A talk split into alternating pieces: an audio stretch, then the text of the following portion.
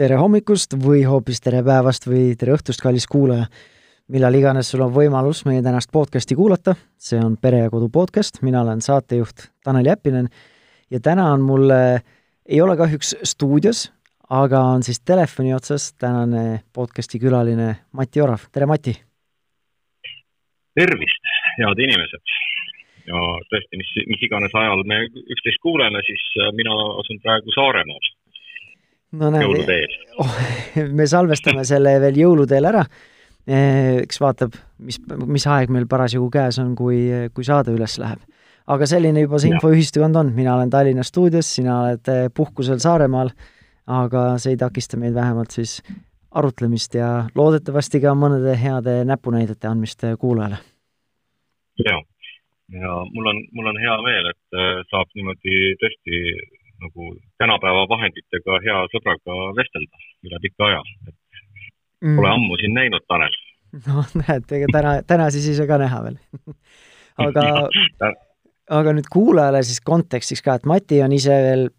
praegusel hetkel kahe lapse isa eh,, hiliskevadel on nende perre lisandumas ka kolmas laps eh,, ja see, sellest võib-olla olekski kõige parem nii-öelda seda sissejuhatust alustada, aga lisaks sellele oled sa ka veel Vaikuseminutite või siis teadveloleku koolitaja praktika, praktik ja veel terapeut. said kõik olulised ja. asjad öeldud või tahad midagi lisada? ma arvan, et,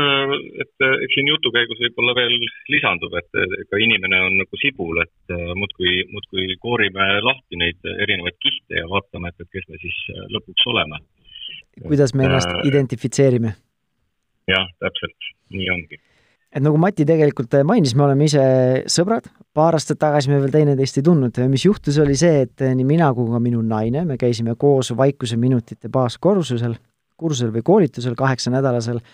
Ja seal siis äh, jäime teineteisele silma ja sealt siis äh, alguse sai see sõprussuhe. jah, need äh, sellised kaheksanädalased äh, kursused, teadvaloleku kursused on tõesti, kus grupp väga, väga kasvab omavahel kokku ja, ja seal äh, on, on äh, teisigi inimesi, kes on minu ellu sellisel kujul jõudnud, et äh, ja mul, mul tõesti väga hea meel oli, et, et te tulite just Maretiga kahekesi, et nii-öelda paariga ja, ja üheskoos nii-öelda see harjutamine ja kõik nii-öelda läbi, läbi arutlemine, et, et ma arvan, et see on, see on palju tugevam kui see, kui, kui sa üksinda nagu asud sellele teele oma, oma paari suhtes mm. -hmm. nõus. et see see on, see on kindlasti äh, nagu suure-suure kvaliteediga, et äh, kui ma, kui ma äh, ise, ise mõtlen oma paarisuhte peale, siis ma asusin üks paar aastat tagasi PREP üksikisiku koolitaja koolitusele, aga selle hulgas oli siis vaja läbida veel PREP paarisuhte nii-öelda koolitus paarilisega. ja ma võtsin sinna kaasa oma kalli naise ja tõesti, see nagu Prepi puhul oli see, et, et nii-öelda baasasjad nii-öelda nagu läbi arutada ja, ja omavahel nii-öelda selgeks teha, see oli nagu selle koolituse protsessi osa e,, siis, siis see tegelikult mõjus meie suhtele väga nii-öelda värskendavalt ja hästi-hästi mõnusalt. ja nüüd oleme jõudnud siis oma kaasaga sinna, et, et meile tehti pakkumine sinna Prep paarisuhte koolitaja väljaõppele ja, ja ma ütlesin, et, et ma lähen sinna koolitaja kursusel ainult siis, kui mu oma kallis naine tuleb ka kaasa ja seda ta ongi nõus ja nüüd me läbime siis seda sellisel, sellisel kujul, et, et käia need teemad uuesti iseendas läbi ja ma, ma olen nagu vägagi seda meelt, et selline ühine, ühise tee käimine või, või teadlik paarisuhe, et, et see aitab ka mulle kui inimesele hästi palju kaasa. ai, sada protsenti nõus sellega, et koos selliseid asju on teha on, ma ütleks, väga lähendav ja siis teine asi, see tekitab sellise ühe mingi sellise arusaamise või inforuumi. aga täna, millest ma tahaksin rääkida, on äh, äh, selline üldine teemapüstitus, et me räägime emotsioonidest ja just sellises lapsevanema kontekstis, et äh, kuidas siis enda emotsioonidega paremini hakkama saada, kuidas neid võib-olla tundma õppida ja et olla vähem reaktiivne, sest ma olen käinud kümnetel ja kümnetel vestlusringidel ja koolitustel algkoolides ja lasteaedades ja nii paljud lapsevanemad ütlevad otse kui ühest suust, et et kui see laps minu nuppe ei vajutaks, siis ma oleksin palju, ma ei tea, rahumeelsem või mõistusepärasem või rahulikum lapsevanem, et äh, mingil määral nagu näevad, et lapsed nagu initsieerivad seda, aga laps käitub nii, nagu ta käitub, minu enda vastutus on see, kuidas mina reageerin sellele. või see on minu enda valiku koht ja just sellest me täna räägimegi, et kuidas siis nende emotsioonidega toime tulla. Et siin mul annakski sellise esimese jutu otsa, Mati, nüüd sinule, et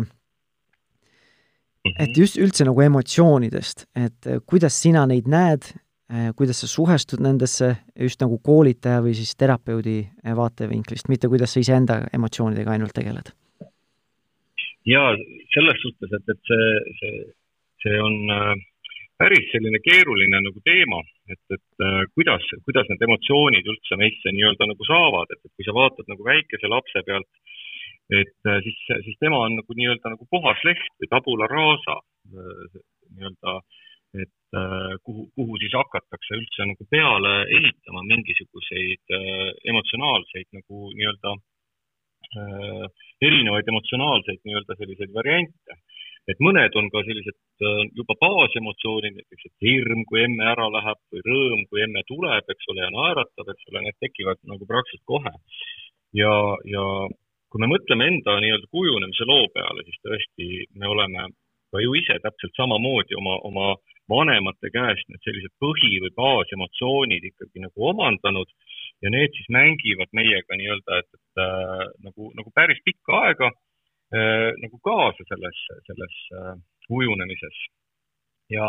nüüd, nüüd äh, küsimus on selles minu arust nagu täiskasvanud äh, inimese puhul, et, et kas ma, kas ma nagu nii-öelda jään nende selliste nagu, nagu ebaküpsete emotsioonide küüsi mingisugusel kujul, et, et ma nagu ei, ei kasvata ennast nii-öelda selliseks küpseks või, või täiskasvanulikuks nii-öelda nende emotsioonide mõistes, et, et nii-öelda aru saada, äh, kus kohas need sellised minu, minu sellised nagu päästikud või, või asjad on, et, et mis mind nagu panevad reageerima mingitele asjadele. sest suure tõenäosusega me, me omandame ikkagi needsamad musterkäitumised või mustrikäitumised, mis meie vanemad nagu, nagu või ka vanavanematelt juba pärit äh, on. ja, ja mulle tundub, et, et nii-öelda selline täiskasvanud äh, inimese sellise protsessina me võiksime nii-öelda vaadata nende, nendele sellistele musterkäitumistele otsa, et kust kohast need tulevad, sest ma, ma pakun, et, et meie nii-öelda sellised reaktiivsed äh, reageeringud laste nii-öelda sellistele äh, ma ei tea, emotsionaalsetele väljapurskamistele, et, et need, need ikkagi pärinevad sealt kuskilt nagu lapsepõlve ajast, mis me oleme omandanud. ja, ja nii-öelda, mis ma ise nii-öelda olen vaadanud, et kuidas nende, nende selliste, et see on olnud ka minu jaoks selline teekond eh, nende, nende enda emotsioonidest arusaamiseks, et, et, et kuidas nad nii-öelda nagu tulevad, siis, siis tegelikult see teadveloleku nagu kursuste läbimine või, või ka nüüd juba juhendajana on andnud mulle ikkagi seda, et, et ma noh, mul, mul on tekkinud oskus äh, nii-öelda vaatleja positsioonilt või jälgijana nii-öelda märgata oma keha reaktsioone, et kui mingisugune asi hakkab üles kerkima, siis ma, ma, mul on seal olemas see valikuvõimalus, et, et kuidas äh, kuidas reageerida. ma võin reageerida automaatselt, aga ma võin valida ka siis selle, et ma näiteks, et äh, nagu valin selle rahulikuma tee. ja väga keeruline on, on nii-öelda, kui, kui lapsel näiteks tekib mingisugune nii-öelda selline nagu jonnihoog või, või, või mingisugune nagu, nagu suurem, sügavam emotsioon, et jääda siis lapsele tegelikult nii-öelda toeks selles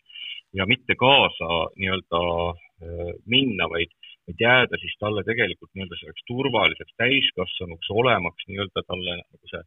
nagu kindel kalju, kes aitab tal siis tegelikult oma emotsiooni nii-öelda sellise sügavama põhjal nagu kätte saada.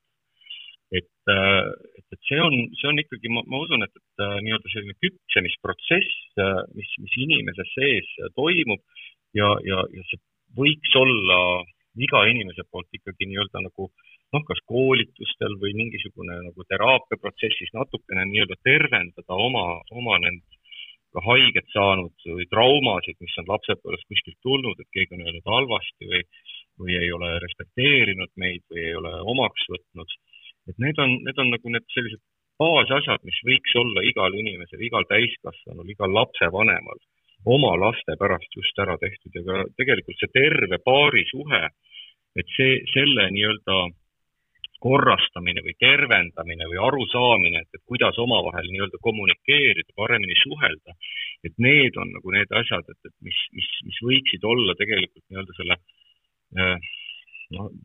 toetav äh, nagu haridus või haritus, mida ma ise nii-öelda kõrvalt peaksin õppima, et sellist äh,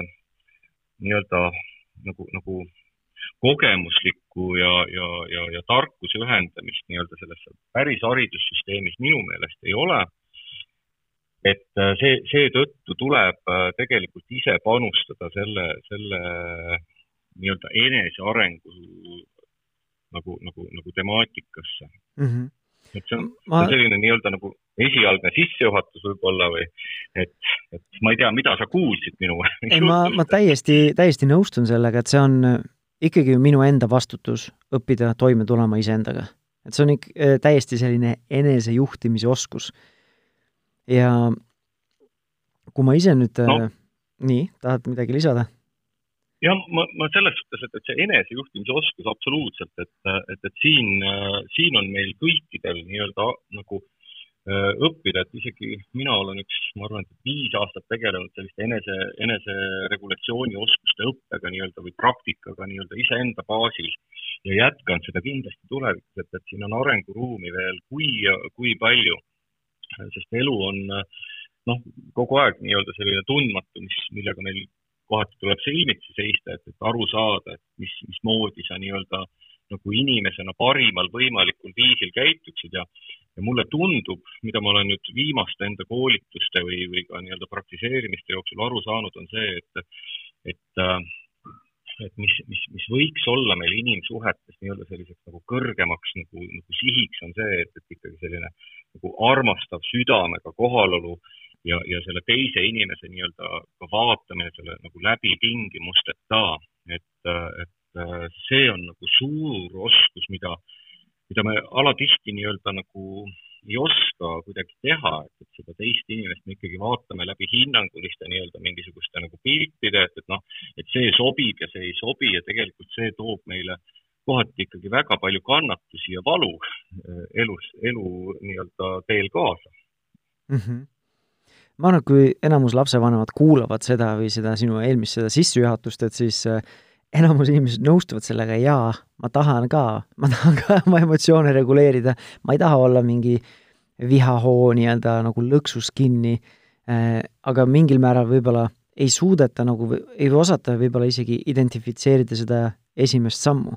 et ma nõustun sellega, et me sa-, peaksime,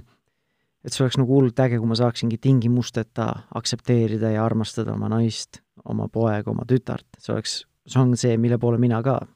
püüdlen, mille, mille suhtes ma püüan olla väga teadlik, äh, kuidas ma ise käitun nendega. ja kuidas ma olen, kuidas ma tunnen, mida ma mõtlen. ja ma arvan, et sama mhm. asi, kui ma ise vaatan enda teekonda, siis täpselt samasugune suhtumine, selline tingimusteta aktsepteerimine või isegi mitte, mitte tingimusteta, võib-olla parem oleks öelda hinnanguteta aktsepteerimine,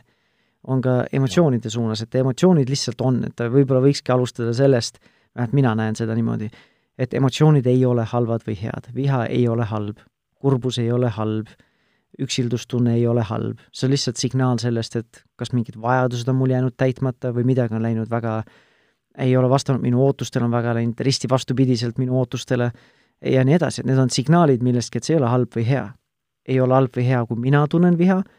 Ja samamoodi, kui ma laiendan selle oma lapsele, et kui laps tunneb viha, see ei ole ka samamoodi halb või hea emotsioon iseenesest ei ole halb või hea. kui ta, kui ta käitub destruktiivselt, siis sinna ma saan vajadusel piiri peale panna, sama, vahele panna, samamoodi ka iseendaga, et kui ma tunnen viha, see on okei okay, viha kogeda ja tunda, kui ma sinna lõksu kinni jään, siis ma pean õppima sellega tegelema. või kui ma viha ajel käitun ise destruktiivselt, et lõhun vara äh,, lõhun suhteid ja nii edasi, et siis sinna ma peaksin samamoodi mingi kas piiri vahele panema iseendale või siis õppima äh, või, või ma, ma mingil määral võib-olla mõlemat, et siis õppima ka sellega toime tulema ja nii-öelda, et see emotsioon või see viha lahustuks või lahtuks. et eh, kuidas sa ise sellesse mõttekäiku suhestud ja, ja kuidas siis nüüd üldse alustada sellega, kuidas emotsioone tundma õppida? et neid näha ja kogeda? no jah, selles suhtes, et, et see, see, see teekond on äh, äh selline pikk ja, ja, ja, ja, ja, ja muidugi tulu toov, eks ole, et, et, et kõigepealt tuleks hakata võib-olla nii-öelda kuskilt otsast äh, otsustada, et, et midagi minu elus nii-öelda äh, võib-olla noh, märgata seda, et, et midagi on ikkagi väga destruktiivne või see, et mingisugused mustrid järjest korduvad, et mingisugused ühesugused asjad ajavad mind endast välja ja ma ei suuda kuidagimoodi ennast talitseda. Mingi, kui lapsel on mingisugune tantrumi hoog ja siis ma ise panen sinna veel nagu auru juurde. noh, järelikult, et mingisugusel kujul noh, nagu, nagu on see teema minus endas sees ja see, see, see, kuidas laps käitub, tegelikult äh, tuleneb suure tõenäosusega sellest, et kuidas mina käitun. et, et, et nii-öelda aru saada, et tegelikult, et, et äh, laps äh, ikkagi vaatab, jälgib ja, ja, ja käitub oma vanemate eeskujul. Ja see on nii-öelda, et laps on see lap-, no kodupere et, et, et ei saa nõuda seda, et laps hakkaks nüüd kuidagi teistmoodi käituma, tema on ju see, kuhu me nii-öelda, kuhu, kuhu see infoväli kõik salvestub, nii-öelda see, see, need mustrid salvestuvad sinna ja tema suure tõenäosusega, miks see nii-öelda väga keeruline ka võib-olla vanemal näha on, ta näeb tegelikult iseennast seal et, et, et seda on nagu väga keeruline võib-olla nii-öelda, et, et noh, kuidas siis mina küll niimoodi käitu, aga, aga see on see meie nii-öelda selline nagu alla surutud äh, nagu, nagu temaatikad, mida, millega me ei ole nagu kontaktis iseenda sees. noh, Jung on selle kohta öelnud, Carl Gustav Jung on öelnud, et see on nii-öelda see meie vari ja meie alateadlikud nii-öelda sellised impulsid, mis kuskilt tulevad ja mille nii-öelda teadlikuks tegemine, teadlikuks saamine nendest, et see nii-öelda päästab meid sellest kohe, kohati sellisest kannatusest või ka põrgust, eks ole. et noh, ma, ma ise mõtlen, et, et siin on, siin on noh, väga palju kirjandust on, aga kirjanduse puhul on see lugu, et, et ta on ikkagi hästi mentaalne ja, ja kui ma loen siis, siis ma, mul ei pruugi nii-öelda nagu, nagu kõik asjad nii-öelda minu enda jaoks nagu päris hästi selguda, et, et ma olen jah, kunagi alustasin Eckart Tolle lugemist, aga, aga ega ma siis ei hakanud tegema äh, tema nagu soovituste või praktikate järgi, et, et see on ikkagi nii-öelda, ma olen otsinud endale õpetajaid, ma olen, ma olen otsinud ja kuulanud äh, nii-öelda ja, ja kogenud vahetult, et äh, nende inimeste, kes on käinud juba nii-öelda nagu natukene eespool minust ja, ja vaadanud ja kuulanud tõesti nii-öelda praktiliselt, et kuidas see enesejuhtimisprotsess nii-öelda käib. ja mulle tundub, et, et äh, siin, siin ikkagi see mindfulness või, või, või need enesejuhtimise oskused, mida, mida nagu Eestis ka juba nii-öelda päris laialt on nii-öelda nagu tutvustatud, et mingisugusel sellisel nagu, nagu koolitusel tasuks ära käia, vaadata, et, et mida see nagu, nagu, nagu teeb Äh, ja, ja mõtiskleda kaasa ja otsida, otsida järjepidevalt nii-öelda seda lahendust, et olla uudishimulik ka iseenda nii-öelda nende,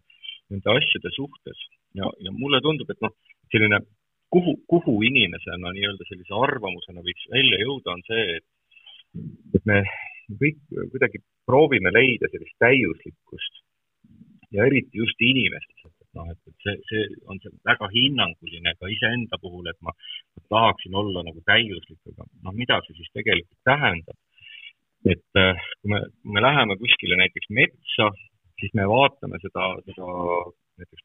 mingisugune puu on kasvanud näiteks seal väga kõveralt ja, ja mingisugune okslik või et äh, siis, siis see on meie meelest täiuslik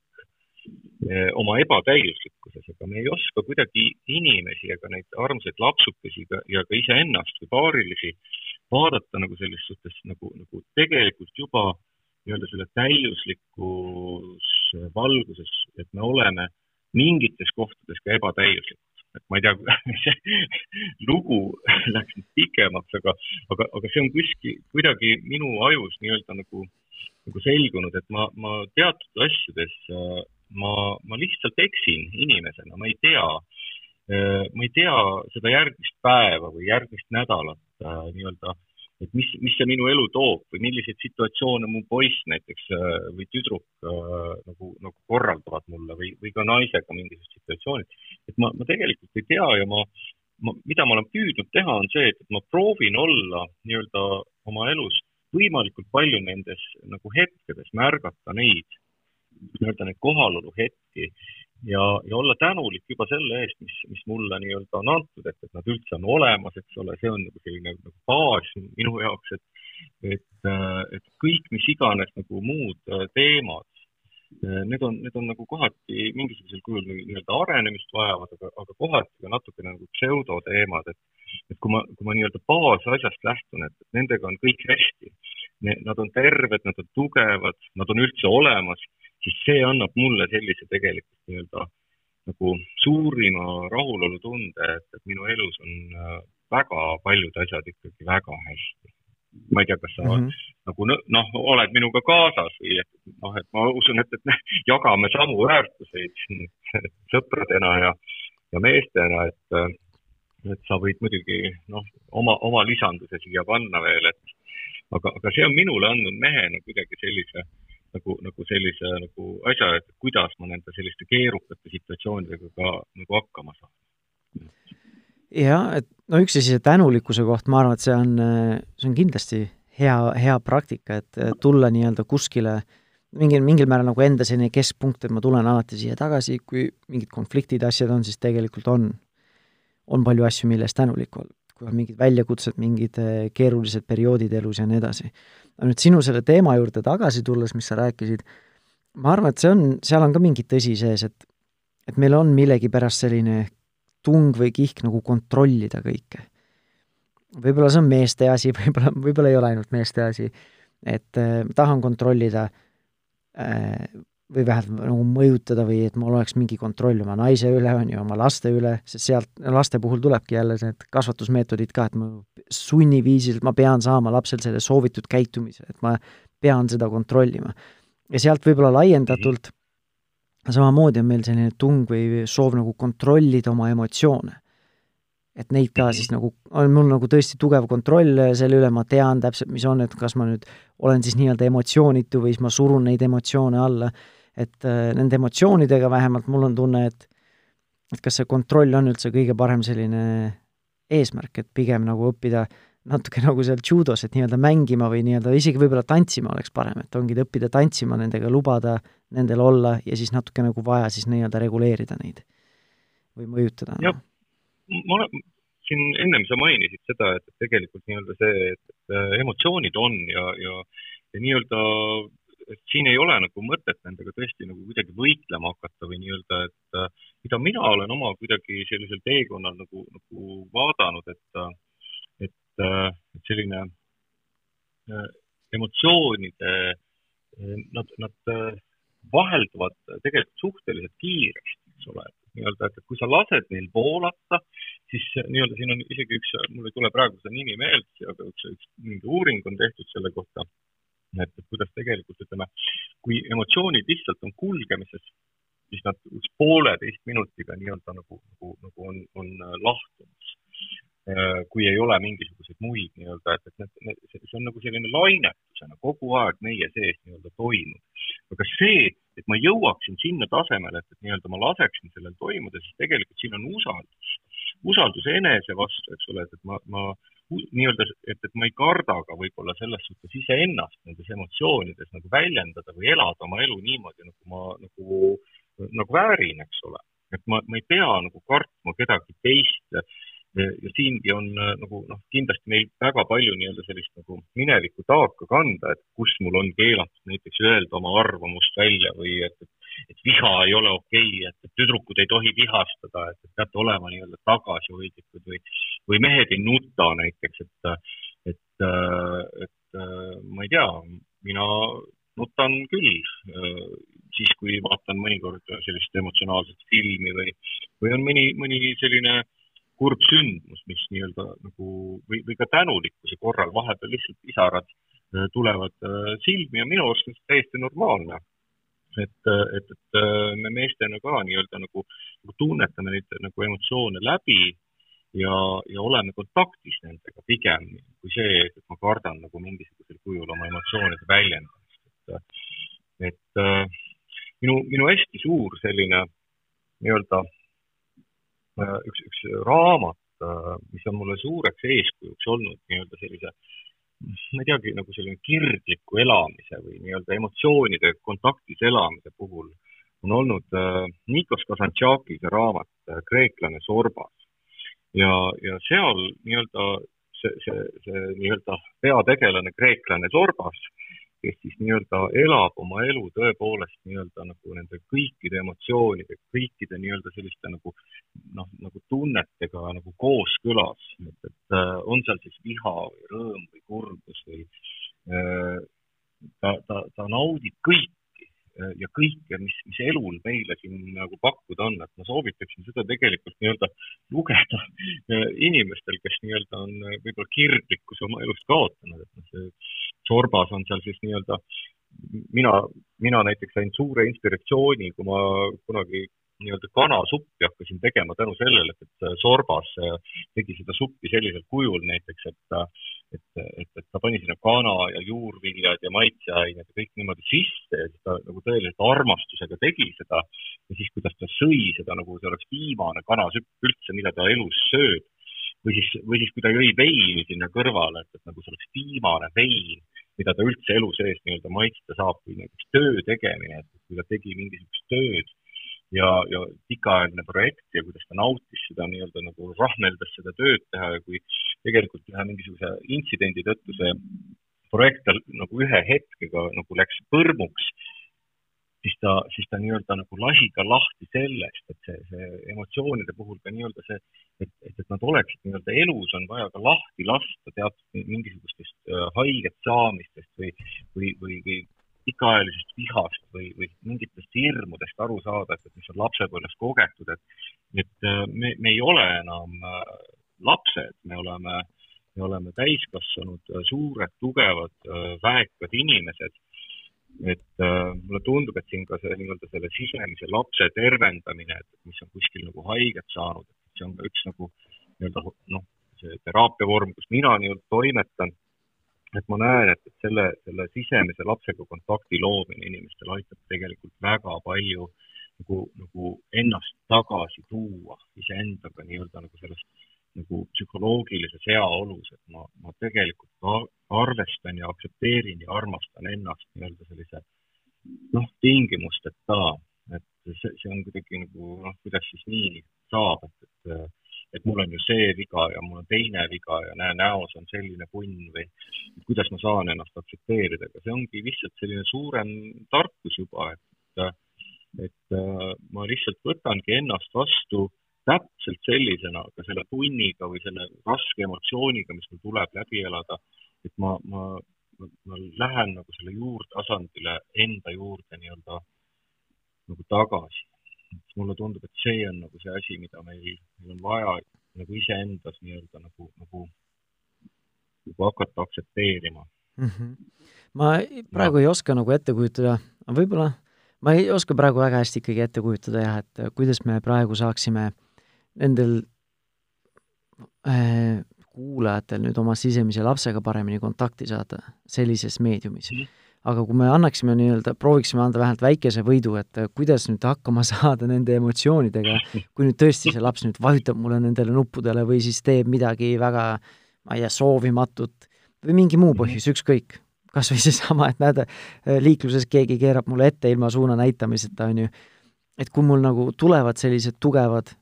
ma ei tea, kas siis kas plahvatusohtlikud või lihtsalt hästi tugeva sellise energiaga emotsioonid üles, et kuidas ma mhm. saaksin iseennast aidata sel hetkel või nendel perioodidel, et äh, et siis anda nii-öelda ruumi sellele emotsioonile, et mitte teda siis jõuga alla suruda, sest siis nagu Murphy seadusele kohaselt äh, viskab see vasta, vastu nägemist kõige ebasobilikumal hetkel, on ju, et kuidas ma saan nende emotsiooniga tegeleda või mida, kuidas ma saan iseennast toetada, et ma suudaksin siis mitte üle reageerida ja siis teha sellise teadliku valiku. nagu sa ütlesid alguses, et, et ma saan ise valida, kas ma lähen nüüd sinna automaatsesse reaktsiooni või käitumisse, käitumismustrisse mm, -hmm. või ma saan midagi muud teha. sest kui ma, keegi annab mulle teadliku valiku sellise, siis väga paljudes olukordades ma saangi teha nii-öelda parema valiku. aga sagedasti meil on selline kas oskamatuse või siis ressursside puudumise tõttu või, või mingil muul põhjusel meil on tunne, et me oleme tegelikult selle emotsiooni äh, nii-öelda nagu vangis, et nüüd laps annab signaali ja siis nagu olematu süütenööriga pomm nii-öelda lendangi kohe õhku ja reageerin üle ja pärast vaatan ise ka tagasi, et nagu miks, miks ma niimoodi tegin, ma tegelikult oleks tahtnud hoopis, hoopis teistmoodi seda olukorda lahendada. et kuidas nüüd tegutseda nendes olukordades, kui ma tunnen, et hakkab nüüd keema minema või üle keema, et kuidas ma saan ennast aidata selles olukorras? no üks, üks teema tõesti on, et äh, kuidas, kui sa, kui sa hakkad märkama nii-öelda, et see kuskil keegi hakkab sulle kannale astuma siis tegelikult on, on väga mõistlik nii-öelda korraks eemalduda sellest situatsioonist, mida mina ise olen oma, oma nii-öelda praktikasse hästi kuidagi sisse juurutanud, on see, et ma proovin äh, hingata sügavamalt äh, mingites teatud situatsioonides äh, nagu mõned korrad lihtsalt hästi suurelt sügavalt äh, hingetõmbed et see läheb nii-öelda nagu, nagu nii-öelda meie, meie närvisüsteemis, parasümpaatilise närvisüsteemi, ta annab koheselt tegelikult väikese nagu ajalise ruumi, et sul on meeles. no ei, ei pruugi, aga et, et seda saab tegelikult nii-öelda harjutada endale, et võta iga kord väike, kasvõi kaks-kolm hingetõmmet hästi suurelt, sügavalt sisse hingata mingite nagu selliste emotsioonide nagu noh, kui, kui on mingisugune selline situatsioon ja see annab juba väikese kerge sellise pausi hetke, et, ma saan hakata edasi vaatama. kui sa nii-öelda oled juba tegelikult nii-öelda selle, selle noh, näiteks äh, selle, selle äh, keegi on sind üles keeranud ja sa oled juba plahvatanud, siis tegelikult samamoodi, et võta hetkeks aeg maha ja mõtle selle peale, mis on see tegelik väärtus, et, et äh, mida sa tegelikult tahad teha. ja mina olen oma elus küll oma lastele, isegi sellele väikesele pooleteistaastasele poisile. ma, ma olen ka eksinud ja, ja ei ole alati kõik päevad vennad, et ma suudaksin ka nagu, et mina olen ka inimene ja kuigi ma olen väga palju õppinud ja, ja, ja teada saanud ja praktiseerinud, siis ikkagi vahepeal on, mis nii-öelda käivituvad kuskilt süvatasanditelt ja, ja lähed ikkagi endast välja. Ja nii-öelda see on selline tormihetk, hetk, et, et kus nii-öelda nagu, nagu, nagu see torm tuleb ja siis vallandub, eks ole. ja siis tegelikult nii-öelda, mis on nagu parim lahendus see, et, et see kontakt nii-öelda säiliks, et ei tekiks seal mingit hirmutasandit lapsele sisse, et, et nüüd, nüüd on see, et tegelikult, et me, me, me loome uuesti selle kontakti ja, ja selle läheduse ja nii-öelda selles suhtes, et, et ma, ma palun ka vabandust või andestust, et, et kuule, et et, et mina ka ei tea kõiki asju, mis elus juhtub ja, ja, ja me oleme teinekord väga-väga väsinud võib-olla mingitest töödest või tegemistest ja, ja, ja, ja, ja kui see torm nii-öelda tuleb, et siis tegelikult nii-öelda, et, et, et äh, jõuda sellele minu enda nagu, nagu, nagu kuidagi iseenda juurde tagasi, et tegelikult ma ju ei taha nagu kellelegi temale halba lapsele, et, äh, et loome uuesti kontakti ja räägime tegelikult miks see juhtus vahepeal. noh, pooleteistaastasega on muidugi väga keeruline nii-öelda mingisuguseid arukaid vestlusi pidada, aga tema saab aru sellest nii-öelda, sellest nagu nii-öelda nagu eh, tasandist, kus sa tegelikult võtad ta sülle või enda südame vastu või kallistad nii-öelda ja, ja, ja, ja lood selle kontakti, et noh, murdeealisega on nagu lihtsam, eks ole, et, seal on, seal on see, et, et noh, te saate ka rääkida või nii-öelda luua seda sidet mm. -hmm et mul, mulle tundub, et see, see nii-öelda, et, et see andestamine ja andestamine ka tegelikult nii-öelda sellele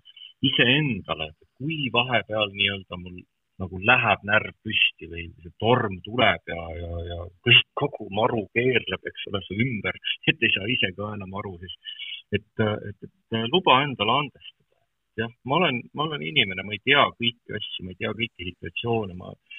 vahepeal teen liiga palju tööd, vahepeal lihtsalt olen äh, võib-olla endaga nii-öelda ka nagu kontaktist väljas. aga, aga et kui ma suudan endale andestada, siis järsku ma suudan andestada ka sellele armsale tegelasele, kes, kes on minu ellu tulnud suureks-suureks õpetajaks ja, ja, ja suurimaks armastuseks, äh, äh, mida, mida me elus üldse vist kogeda saame et, et kui ma selle, selle nii-öelda juurtasandi juurde tagasi jõuan, siis, siis kuidagi kõik loksub nagu minu arust paika, ma ei tea, kuidas sulle mm. tundub täna. no ma arvan, et äh, andestamise juures ole, algabki kõigest sellest, et tegelikult iseendale andeks anda, et aktsepteerida ka seda, et ma tõesti ka, ma ei ole täiuslik. samas nagu seal tuleks, teiselt poolt tuleb see sisse ka, et kui ma nagu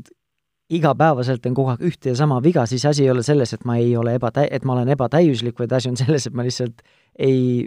ei võta mingeid vajalikke samme, et areneda selles asjas, et kui ma kogu aeg sama reha otsa astun, siis ei ole reha selles süüdi et pigem nagu ma peaksin iseennast, on ju, muutma. aga selle andestamise ja. juures ma arvan, et see on täiesti õige asi, et ongi, et ja tuleks, ma arvan, alustada ka iseendast, et ongi, et aktsepteerida, see on okei okay., on okei okay teha vigasid jah, ja see annab ka tegelikult meie lastele väga, väga hea nii-öelda õpetuse, et, et, et, et, et ma ei tea kõiki asju, et ma, ma olen ise mõelnud selle peale, et, et ma ju seda elu siin, noh, muidugi budism räägib teistmoodi reinkarnatsioonist ja noh, kes seda teab, eks ole, aga, aga mulle tundub, et mina selles kehas, selles vormis siin elan seda elu esimest korda ja iga päev võib tuua minu ellu sellisel kujul nii-öelda nagu, nagu äh, äh, väljakutseid, milleks ma ei ole võib-olla veel valmis äh,. et, äh, et see ongi nagu see, et, et kas ma julgen nendega esiteks äh, nagu vastamisi seista ja teiseks, et kui ma nendes asjades eksin, siis äh, kas ma kas ma suudan nii-öelda nagu üle saada sellest iseendast võib-olla isegi või, ja, ja leida selle andestuse ka nendes, nendes kohtades. et see on minu arust nagu, nagu selline küps, küpse inimese nii-öelda nagu, nagu tegemine, täiskasvanud inimese toimetamine.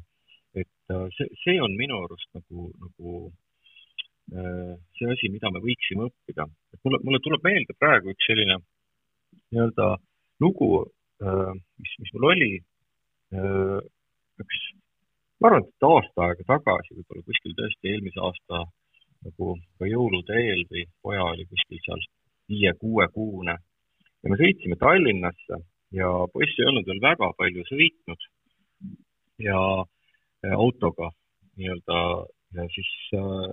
poiss äh, ei jäänud magama, vaid karjus, tal oli kuidagi ebamugav ja meie nagu ei saanud sellest aru, mis oli. Ja siis võtsime ta seal sülle omale, proovisime lohutada, ei aidanud mitte miskit. Ja siis muidugi naine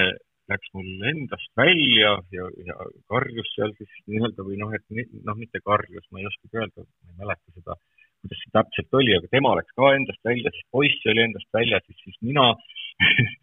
proovisin seal nii-öelda säilitada sellist nii-öelda rahu ja keskmist äh, ja siis ma sain tõesti aru, et tegelikult, et, et sellel lapsel ei aita ju mitte kuidagimoodi see kaasa, kui, kui meie oleme endast nagu väljas või et, et laps ei nagu noh, et tal on ebamugav, millegipärast meie ei tea lahendust, me tunneme lapsevanemat, et me oleme kuidagi läbi kukkunud. Tegelikult see ei aita sellele lapsele kohe no mitte kuidagimoodi kaasa. ka olgu ta siis äh, pooleaastane või kolmeaastane, kui mina hakkan ka räuskama või nii-öelda nagu lähen endast välja, siis ma tegelikult ju käitun nagu, nagu laps ja, ja, ja kes siis nagu selles suhtes peaks looma nii-öelda selle rahu ja turvalisuse, et kuule, et, et, et see on täiesti normaalne, okei okay,, et, et sa võid nii-öelda oma emotsioonides äh, olla kohal, et küsimus ongi pigem see, et noh, et, kes selles suhtes äh, lapsega näiteks jääb täiskasvanuks, kes jääb küpseks nii-öelda täiskasvanuks ja, ja suudab olukorra nii-öelda nagu normaalse inimese kombel ära lahendada. et ma olen sinu jaoks olemas, ma loon igal juhul sulle turvalisust, mina jään rahulikuks. Mm.. no just selle, sellepärast ma tahtsingi täna siis sellest emotsioonide teemast rääkida, sest aeg-ajalt äh, isegi mõnikord peeglisse vaadates, õnneks mitte väga sagedasti, aga vahepeal tuleb ette, aga kui ma räägin teiste vanematega ka, siis nii mõnigi kord ma näen seda, et me nõuame lapselt oma emotsioonide reguleerimist, aga samas, kui ta mind vaatab, siis ta seda ei näe. et äh, ma nõuan mingis, isegi võib-olla isegi mitte üldises pildis, aga võib-olla mõnikord ka üldises pildis, et ma, ta ei, tal ei ole nagu seda eeskuju, aga situatsiooniliselt isegi, et kui laps hakkab enesevalitsust kaotama, siis selle asemel, et mina jääksin rahulikuks ja aidaks, aitaksin temal rahu taastada enda ajus, nii-öelda aju tasandil, siis selle asemel ma viskan endal nii-öelda selle kaane pealt ära. ja nüüd on meil mõlemal kaaned pealt ära ja ma nõuan, et tema nüüd rahuneks esimesena, siis saan mina ka rahuneda. et ma ootan lapselt midagi, milleks ma ise ei ole valmis või siis võib-olla isegi võimeline selles hetkes, on ju. et see on see, et... et miks ma tahtsin sellest teemast rääkida, et üks asi, mis sa tõid välja, kui me praktikal-, praktiliste poolte juurde tagasi tuleme, on see, et sa ütlesid hinga, hingata. nüüd, mhm. kui ma olen see lapsevanem, kes on enesevalitsust kaotamast, et siis mis see, mis ma, mida ma nagu siis meeles peaksin pidama, kui lihtsalt ta ütleb hinga, hinga, siis ma ütlen, ma hingan ju, mis sa veel must tahad, ma ju hingan. et üks asi on see, et kuidas me hingame, on ju, kui ma olen närvis, aga teine asi ka, kui ma püüan ennast selle hingamisega rahustada, et kas me tegelikult oskame siis, oskame siis nii-öelda seda rahustavalt hingata et kuidas see no. on, kuidas see, ma tean, et sa, miks ma küsin seda, ma tean, et sa oled käinud -hmm. koolitustel, hingamiskoolitustel ka, et kuidas siis hingata selliselt, mis tõesti rahustab seda parasüst-, eh, parasünte-, mis parasümpaatiline närvis parasünteetiline ja parasümpaatilist närvisüsteemi, et millised need õigesed, õiged hingamistehnikad on, on see oluline, kui sügavalt või ka, kui pikk on sissehingamine, väljahingamine, saad sa natukene siin anda mingid praktilised -hmm. näpunäited, et kuidas siis niimoodi hingata, et ma saaksin ennast paremini maha rahustada? tegelikult, äh, et võimalikult palju sisse, võimalikult palju nagu välja. et see on üks nii-öelda selline, et kui sa suudad nagu mingisugune, noh, mingisuguse aja ette jooksul sellist hingamist nagu teha, on nagu väga hea. siis, siis üks hingamisviis muidugi on selline tasakaalustav hingamine, mis on noh, kuidas ma seda kirjeldan, on see, see niimoodi, et, et nagu kasti hingamine. Et seal näiteks noh, võiks katsetada mudeliga niimoodi, et, neli hingamist sisse, neli hingamist pausi, neli hingamist välja, neli hingamist pausi. Äh, sa no, mitte neli hingamist, aga nel-, neljani loed ja nii pikalt? neljani loed ja täpselt ja. neljani loed et, äh, et, et neli, neli on see nii-öelda nagu see suhtarv, et, et sa võid alustada sellest, aga et, et sa võid katsetada nii-öelda ka erinevate nii-öelda nagu, nagu numbritega, et võib-olla mõnele sobib seal, et, et kolm, kolmega näiteks seda teha, et, et seda kasti hingamist või viiega või mõnel isegi kuue või seitsmega, et, et nii-öelda nagu, nagu proovida nagu leida enda selline rütm üles, et, et see, see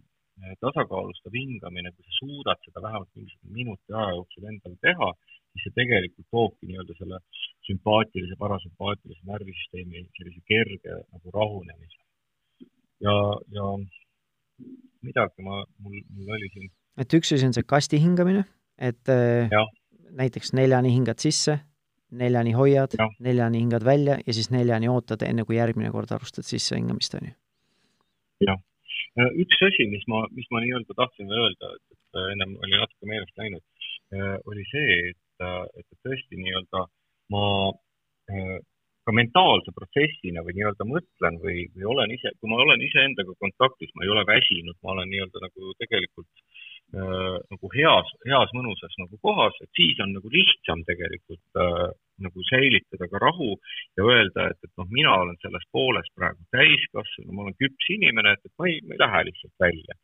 kui me oleme nii-öelda nagu noh, mingite muude asjadega enda, enda tasakaalust väljas,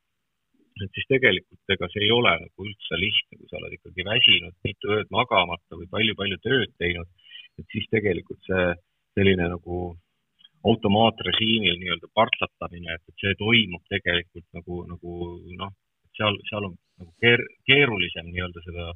tunnete kontrolli saavutada. et mulle, mulle tundub, et selline tasakaalu saavutamine tööelus, iseendaga kontaktis olemises, perega, nii-öelda paarilisega, et nii-öelda noh, selle, selle tasakaalupunkti poole nii-öelda liikumine mm. -hmm. et see on nagu ka minu arust hästi oluline, et ma, ma oleksin mõnusasti välja puhanud, siis baasvajadused on kaetud, eks ole. et, et aga see on, see on igapäevane töö, igapäevane nii-öelda selline liikumine, et, et samamoodi mina teen seda igapäevaselt oma paari suhtes, oma lapsega,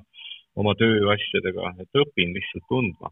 mm. -hmm. ma arvan, et, et sina ju samamoodi, hea sõber Tanel, et et äh, avastad seda maailma koos oma kalli kaasa Mareti ja oma lastega seda, et kuidas sa tegelikult nii-öelda seda nagu, nagu noh, õppida seda tingimust, et armastust igapäevaselt tundma mm -hmm. ja liikuda sinnapoole, selle tasakaalu poole. ja, ja, ja see on nagu hea tähelepanek, sest ma tahtsin seda lõpus nii või teisiti ära mainida, et vahet ei ole, kui hea ma nii-öelda nendes taktikalistes asjades olen, kui nii-öelda see kontekst, kontekst või siis see vundament on mõrane või seda isegi võib-olla ei olegi, ja selleks vundamendiks ongi nii-öelda minu enda vajaduste täitmine, see on see nagu tark vanem praegu promob tarkvanem.ee, et eh, mingil ajal promos see, et kas sinu enda tass lapsevanemana on täis, on ju. et kui su enda tass on tühi, su paarisuhte tass on tühi, sul lapsega ei ole kontakti, sa oled eh, sotsiaalsest, sotsiaalselt tunned, et sa ei ole inimestega seostatud või kontaktis, su suhted on kehvad,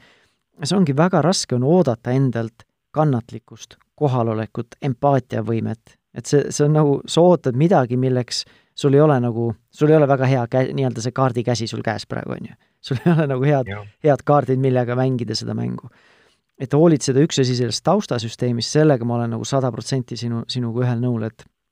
et hoolitseda sellest, et mu vajadused oleksid täidetud, mu suhted oleksid, isegi mitte see, et nüüd situatsiooniliselt, et meil ei või olla vahepeal mingeid hõõrumisi, aga üleüldiselt need on toetavad, need on paljupakkuvad, nad nii-öelda panustavad minusse emotsionaalselt. ja, ja siis teine asi on siis nii-öelda need taktikad. üks asi oli hinda, hingamine, aga siis teine asi, millest äh, paljud nii-öelda need raamatud ja minu arust räägib sellest ka seesama doktor Dan Siegel, kelle, kes on mitme raamatu autor, on lastepsühhiaater USA-s ja Eestis on mm, -hmm. eesti keelt on tõlgitud ajukeskne, lapse ajukeskne kasvatus ja siis eelteismeliste, teismeliste vanematele ajutorm. et tema räägib samamoodi sellest emotsioonile nii-öelda mingil määral nagu nime andmisest. ja teine asi, millest ta räägib, on sama, millest sina alguses rääkisid, nii-öelda mingil määral osata kõrvalt vaadata seda et seesama doktor Dan Siegel toob selle välja, et mida rohkem ma suudan eristuda oma emotsioonist või nendest kogemustest, mida ma saan üleüldse siin elades, on ju, ka oma meeltega, et mida ma näen, et see, mida ma näen, on lihtsalt mingi kogemus, et see ei ole, see ei ole mina, on ju. samamoodi see, mida ma ja. kogen, see ei ole mina, vaid ma kogen seda emotsiooni. kuigi Eestis jälle keeleliselt on raske seda vahet teha, sest ma, Eestis ma ütlen, ma olen vihane. ma olen kurb, mitte et ma kogen kurbust või ma kogen viha aga mida ma rohkem ja. suudan eristuda sellest emotsioonist, seda lihtsam on mul teda reguleerida. ja siis see teine asi on siis selle nime andmine, et saad sa natukene, on sul endal kogemust või mõtteid selle just selle emotsioonile nime andmisest, et miks see on oluline ja võib-olla kuidas õppida siis eristama näiteks, ma ei tea, viha mm, pettumusest, kur-, äh, võib-olla kadedusest äh, või mingist muust asjast, kuidas osata eristada, õppida eristama neid emotsioone no see, see jah, nimetuse andmine, ega see, ega see alati ei ole lihtne, sellepärast et neid emotsiooni, emotsioone väljendavat sõnavara on ju tegelikult nii-öelda või neid tunde nüansse või emotsioonide nüansse on ju väga palju ja neid kuskil seal on loetletud kokku seal vist pea üle kahesaja, eks ole. et, et, et kas ma nüüd tean täpselt, et mida ma nüüd tunnen, no baasemotsioonid, viha, hirm, kurbus, rõõm et need me oskame muidugi enam-vähem nagu, nagu aru saada, et, et mis seal on, et, et, et mulle, mulle tundub, et, et siin nagu ka paarilisega suhtes äh, nii-öelda nagu väljendada näiteks ütleme selliselt nagu noh, mina sõnumina, et, et, et, et mitte nagu jätta kuidagi endasse see, et, et noh, et oled õudselt vihane, kolistad nõudega või, või, või mida iganes, et, et lihtsalt lähed teise tuppa ja mossitad, eks ole, et, sellest võib-olla nii palju, pigem see nagu on lõhkuv, eks ole, et kui ma suudan nagu sõnastada selle kas või iseenda jaoks alguses, et, et ma olen praegu vihane, et sa tegid näiteks niimoodi. Ja, ja, ja, ja teisele näiteks sõnastada see siis ka sellisel kujul, et, et, et ma, et kui sa, kui sa tulid näiteks meie kokkulepitud ajast hiljem õhtusöögile näiteks, et ma olen väga-väga vihane, ma olen väga-väga kurb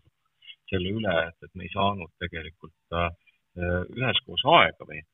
tegelikult selle, selle mingisuguse nii-öelda selle, selle emotsiooni taga peitub alati mingisugune väärtuste nagu küsimus, mulle tundub, et,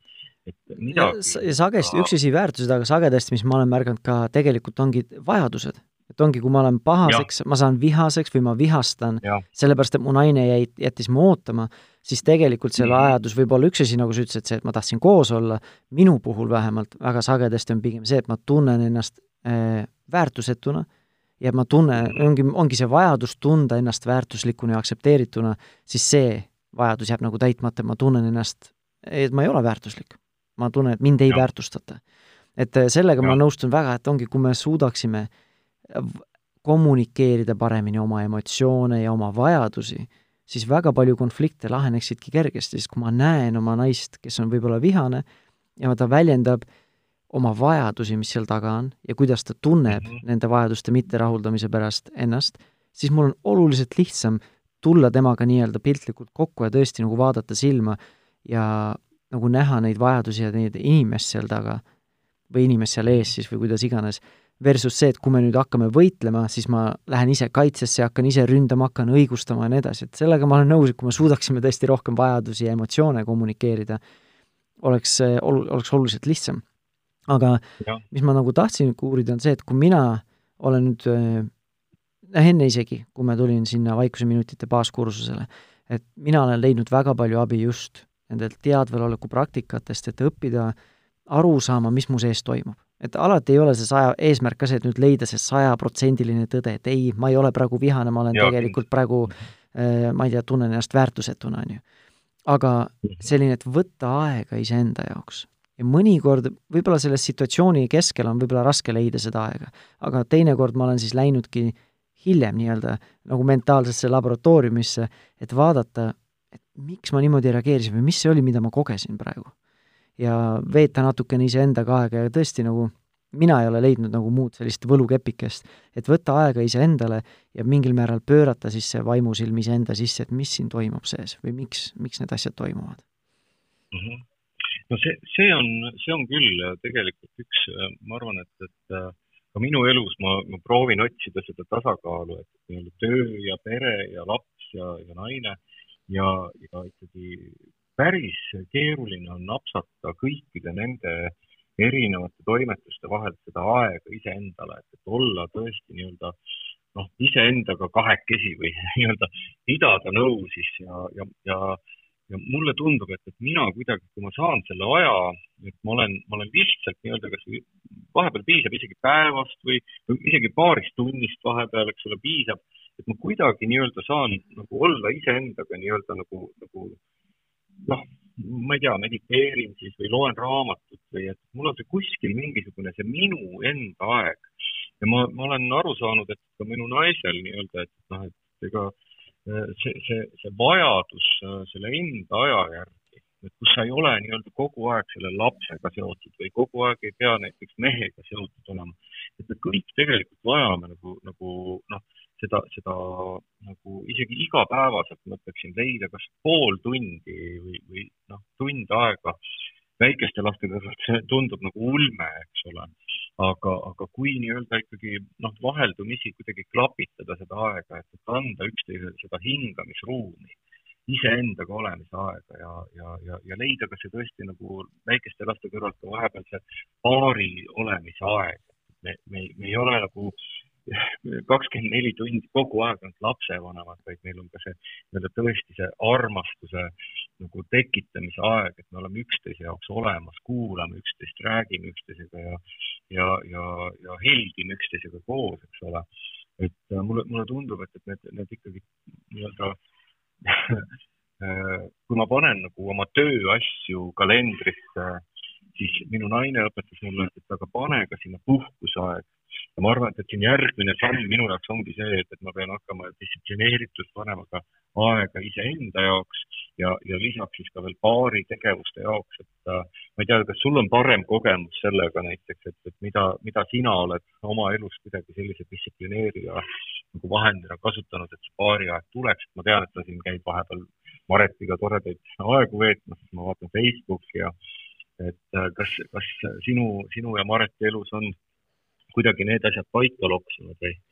või loksutate veel või no meil on leidnud sellise tasakaalu? no ideaalset lahendust alati kunagi ei ole, need on mingi selline liikuvuses, aga meil on selline rütm, mida me püüame järgida, alati see sajaprotsendiliselt ei,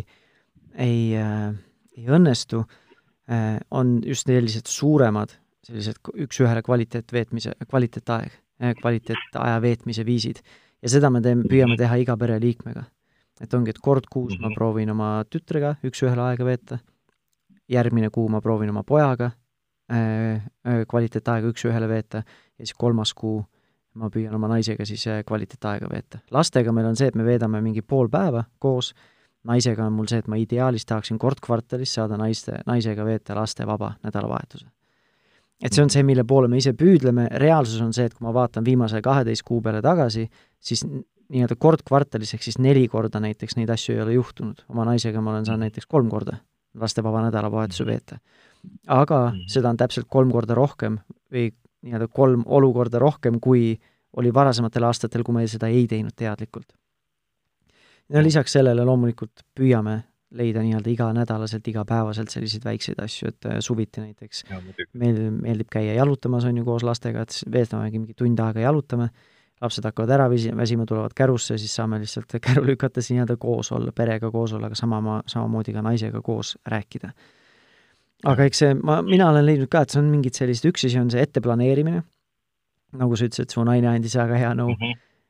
et pannagi need ette kalendrisse. kui me käisime eelmine ja, kevad, käisime Barcelonas nädalavahetuseks äh, Air Balticuga, väga odavale lennud saime, panime selle jaanuaris, panime aprillipuhkuse juba kalendrisse. ostsime lennupiletid, panime ööbimised ja nii edasi. ja siis teine asi on siis rütmilised tegevused, et meil ongi mingi pererituaal, näiteks iga reede õhtu käia jalutamas pikka aega. või siis mingi muu asi, lapsed lähevad laupäeval magama, siis veeta koos aega, et sellised rituaalsed ja rütmilised tegevused, tegevused, sest mhm. muidu ma arvan, nagu sina ja paljud kuulajad ka teavad, et igapäevaelu sõidab nii sisse ja need nõudmised, siis varsti vahepeal tõstadki pea jälle vee peale üles, et õhku ahmida, vaatad nagu kolm kuud pole mitte midagi teinud. kolm kuud ei olegi nagu panustanud teadlikult suhetesse või kuhu iganes on, kuhu ma tahaksin panustada. et tead äh,, Tanel, mul, mul oli kunagi selline, selline nii-öelda äh, nii-öelda komme, et äh, ma vaatasin, mul oli selline nii-öelda lakmuspaber või mida ma, mida ma tegin, et et kas armastus on kodus või ei ole armastus kodus. et praegu ma olen muidugi kuidagi nagu lapse ja tööde ja tegemiste kõrvalt kuidagi nagu laisaks jäänud sellega, aga, aga, aga võib-olla peaks uuesti kasutusele võtma ja see oli selline nii-öelda nagu mõttelaad, et äh, ma iga nädal tõin koju äh, nii-öelda armastuse näitamiseks äh, sellise lõike lille ja, ja kui ta nii-öelda nagu läbi läks, siis ma tõin kohe sealt uue ja minu jaoks oli see märk nagu sellest, et armastus elab äh, selles majas meie juures. ja, ja kui ma ütlesin, et äh, naisele ka, et, et kui sa märkad, et seda ei ole, et, et siis äh, mine sina poodi ja too, too see nii-öelda nagu nii-öelda sümbol armastusest, et armastus on meil kodus täna ja siin praegu olemas. et see kuidagi toimis. praegu ma mõtlen, et me ei ole nagu äh, päris tükk aega seda enam teinud, et viimane lill oli vist äh, kuskil seal novembris. et nii järjepidevalt ei ole seda suutnud nagu teha, et palju tegemisi on olnud, aga mõtlen, et, et ma peaksin selle uuesti võtma endale nii-öelda kasutusse, et näitama, et äh, armastus elab minus ja, ja suhtes ja, ja selles peres edasi mm. kuidas sulle, lisaks mis, mis rituaal sul? äh, mul sellist rituaali ei ole, aga kui ma mõtlen sellele, siis ongi, et üks asi on see nii-öelda see juba see žest, et kui sina selle ise tood, aga teine asi ongi just see, kogu aeg see teadlikkus selle juures, mis käib, et kui sa näed seda lille, sul tuleb see meelde. kui sa lähed seda lille ostma, sul tuleb see meelde, kui sa ei näe seda lille, sulle tuleb see meelde, et kuule, peaks nagu tegutsema peaks selle jälle teadlikkuse ette tooma. et see on nagu hea selline ja. füüsiline selline meeldetuletus, et see on see, mis on tähtis. jah. aga ma korraks tahaksin tagasi tulla selle juurde ka, et sa ütlesid, et on vaja seda enda aega. ja ja seda on, ma arvan, ka vaja nagu erinevates kategooriates, loomulikult on vaja, et enda eest hoolitseda, võib-olla füüsiliselt, tervise eest, võib-olla raamatut lugeda, aga ma tahaksin nagu, et see kuulaja ka nagu mõtleks, et et iga aeg ei ole nagu võrdne. et kui ma näiteks lähen vaatan kino või ma lihtsalt äh, lasen pöidlal tööd teha ja vaatan Facebookis või Instagramis teiste pilte, siis see ei ole aeg iseendale. ja aga samas see aeg iseendale ei pea olema ka see, mida ma olen kuskil filmidest näinud, et sa pead olema äh, ma ei tea, rätsepistmes pöial ja nimetissõrm koos või mis iganes teine sõrm ja ma ei tea, silmad kinni mediteerima, on ju. sa võid minna jalutama, sa võid lugeda enda lemmikraamatut, sa võid äh, teha mingeid muid meelistegevusi, kus sa ise tunned, et sa oled iseendaga kontaktis. et kui mõnikord, ma ei tea, vahepeal on mingid rasked perioodid, tegelikult nagu kardad just iseendaga kontaktis olla ja teed ükskõik milliseid muid tegevusi, et mitte enda sisse vaadata, siis ma ütleks, et see tegevus nagu ei lähe sinna alla et proovida just leida see kontakt iseendaga mingi tegevusega. et see on nagu üks, et see ei tähenda, et alati kõik iseendaga veedetud aeg peab olema see, aga seda peab ka aeg-ajalt olema. eriti just, kui ma tahan püüda aru saada, mis mu sees toimub, mismoodi need emotsioonid töötavad või mida ma mingitel olukord, mingites olukordades kogen ja nii edasi. jah, pigem vist, mis, mis on minu jaoks nagu see, mis kuidagi paneb mind nagu äh, nagu seda, seda elu nagu kuidagi nagu tunnetama, et, et äh, mis, mis nagu laeb või täidab mind. ma kuidagi jah, et see, nutiseadmes nagu aja veetmine, et, et see nagu pigem isegi võtab seda energiat ära. mingisugune, ma ei tea, minu jaoks näiteks pillimäng on, on üks asi, mis nagu on selline, kohe tunned, et, et natukene saad mängida, siis kuidagi oled jälle iseendaga paremini kontaktis, et või ka mulle meeldib väga lugeda, et siis tõesti see, see on nagu see, mis, mis toimib või mm. näiteks käid kuskil jõu, jõusaalis, eks ole, tund aega ja, ja juba on nagu kuidagi nagu see hea, hea tunne olemas. või noh, minu, minu puhul jõusaal mm, -hmm. paljude puhul võib-olla jooga või, et mis tekitab nagu seda head tunnet, et ma täidan ennast nagu selle hea ja mõnusa ja positiivsega. Nõus. meil on eh, märkamatult nii-öelda tund aega jälle ära veedetud. Et no tõesti, no sinuga, sinuga vesteldes läheb tõesti ime, imeliselt kiirelt aeg, et me peaksime ikka kuidagi enne sinu ärasõitu kokku saama ja natukene niimoodi silmast silmaga vestlema, et see oleks tore mm. -hmm. ja eks millest me jõudsime siis rääkida üldiselt eh, nii-öelda teoreetiliselt rohkem emotsioonidest ja siis praktilise poole pealt, et, et hoolitseda selle iseenda tassi eest, hoolitseda oma suhete eest, et see loob sellise positiivse või sellise nagu keskkonna või fooni su enda ellu, et sul on rohkem võimekust olla kohal iseenda jaoks, oma laste jaoks, oma paarilise jaoks, miks mitte ka sõprade, isegi võib-olla tegevuste jaoks, mis sa teed. sul on rohkem empaatiavõimet ja üldse kannatlikkust, eriti äh, või nagu võimekust äh, panna vastu kõikide nendele igapäevanõudmistele, mis kiire elutempo juures meil on. ja siis praktilistest teemadest natukene saime puudutada hingamist, et võtta aega hingata, et siis reguleerida oma seda parasümpaatilist närvisüsteemi. Ja siis teine asi, see teadvaloleku praktika, et äh, anda ruumi emotsioonidele ja näha, kuidas nad voolavad, liiguvad edasi-tagasi või nii-öelda edasi-tagasi, liiguvad ja vahelduvad ja siis õppida, proovida, proovida õppida mõistma oma emotsioone ja võtta aega iseenda jaoks, et vaadata sisse, et mis toimub ja mis need on, mis seal, mis seal nii-öelda üles kerkivad. Eh, tahad sa natuke midagi veel lisada või sai kõik oluline kokku võetud? vist sai oluline kokku võetud, et eks see on selline avastamise teekond ja, ja kui, ma ei tea, keegi soovib minuga näiteks mingisugusel kujul vestelda nendel teemadel edasi, siis mind leiab äh, selliselt lehelt nagu www.mattiora.ee või siis äh, minu, minu selle koolitaja lehelt, kus on www.vaikuseminutid.ee, kus on ka siis erinevad koolitused ja, ja teemad üleval, et võin, võin äh, vestelda niisama või, või siis leppida kokku juba mingisuguse aja, et, et olen, olen olemas ja aitan kõikide oma teadmiste ja kogemuste kohaselt, nii kuidas oskan. ilusat aega! aitäh sulle, Mati! Ja mõnusat ja, puhkuseaega koos perega. aitäh sulle, sulle ka kõike mõnusat. ja kallis kuulaja, sulle ka äh, aitäh, et sa võtsid selle tund aega, et meiega koos veeta. kui see tänane vestlus ja teemaarendus oli mõtlemapanev või meeltmööda või huvitav, siis kindlasti vaata meie varasemate saadete nii-öelda arhiivi, kus meil on juba kümneid ja kümneid podcast'e alates paarisuhetest, äh, kuidas paarisuhet hoida lastega elades kuni siis spetsiifiliste laste kasvatamisega seotud teemadeni. ja kõik need varasemad kui ka tuleviku podcast'id leiad oma nutitelefoni podcast'i rakendusest või siis eh, Spotify'st või Delfi ja Pere ja Kodu veebiväljaannetest. ja minu leiad sa Facebooki grupist Positiivne ja rahumeelne vanemus. aga selleks korraks ongi eh, kõik, joon all, järgmise korrani ja tšau!